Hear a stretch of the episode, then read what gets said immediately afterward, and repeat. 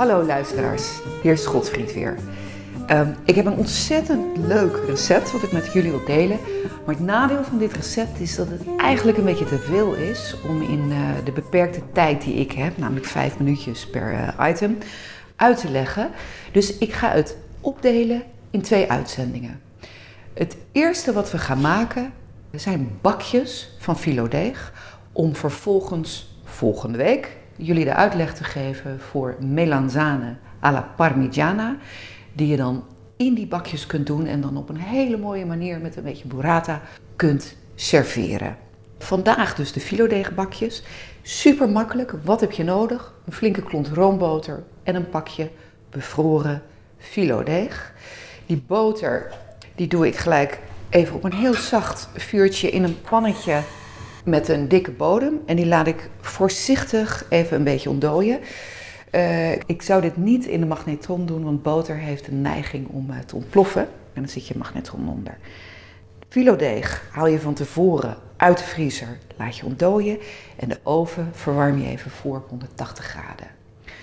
Als dat filodeeg ontdooid is en je boter rustig een beetje aan het smelten is op het vuurtje, dan peuter je je filodeeg kan je in uh, rollen of in pakjes met vierkante velletjes kopen. Ik heb nu vierkante velletjes. En je peutert één voor één heel voorzichtig die velletjes los. En ieder velletje wat je los hebt, bestrijk je met een kwastje zorgvuldig met die inmiddels gesmolten boter. En dan leg je dat velletje even aan de zijkant. Begin je met het volgende velletje en die leg je daarna op je al beboterde velletje. Nou, zo ga je door tot je alle velletjes goed ingeboterd hebt.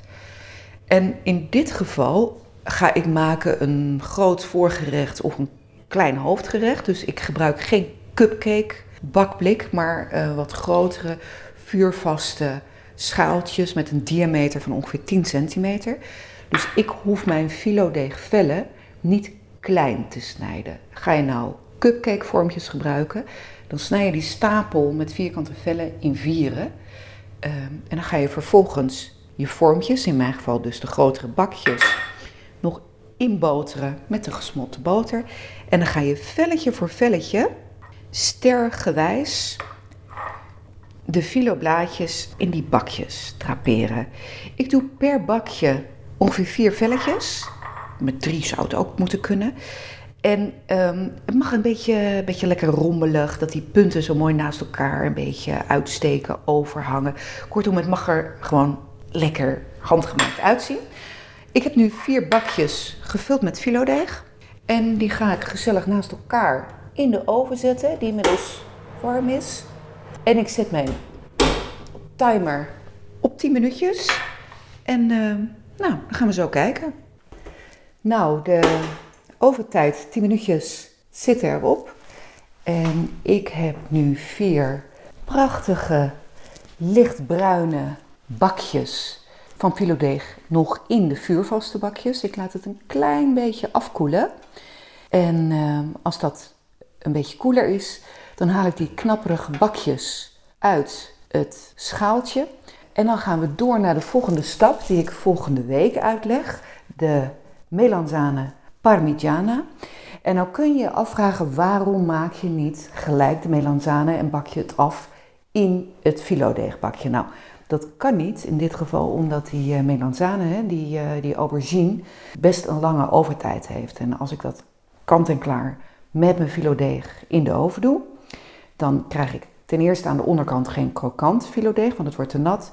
En aan de bovenkant, aan de puntjes, krijg ik verbrand filodeeg, want de overtijd is te lang. Dus volgende week maak ik een losse schaal parmigiana. Als die gaar is, dan schep ik die inhoud met de mooie gesmolten cheesy bovenkant voorzichtig in zo'n bakje. En dan gaat het samen met nog een beetje kaas op de top nog een klein beetje in de oven, zodat ik zeker weet dat het filodeeg goed knapperig is, alles mooi gesmolten en heet is.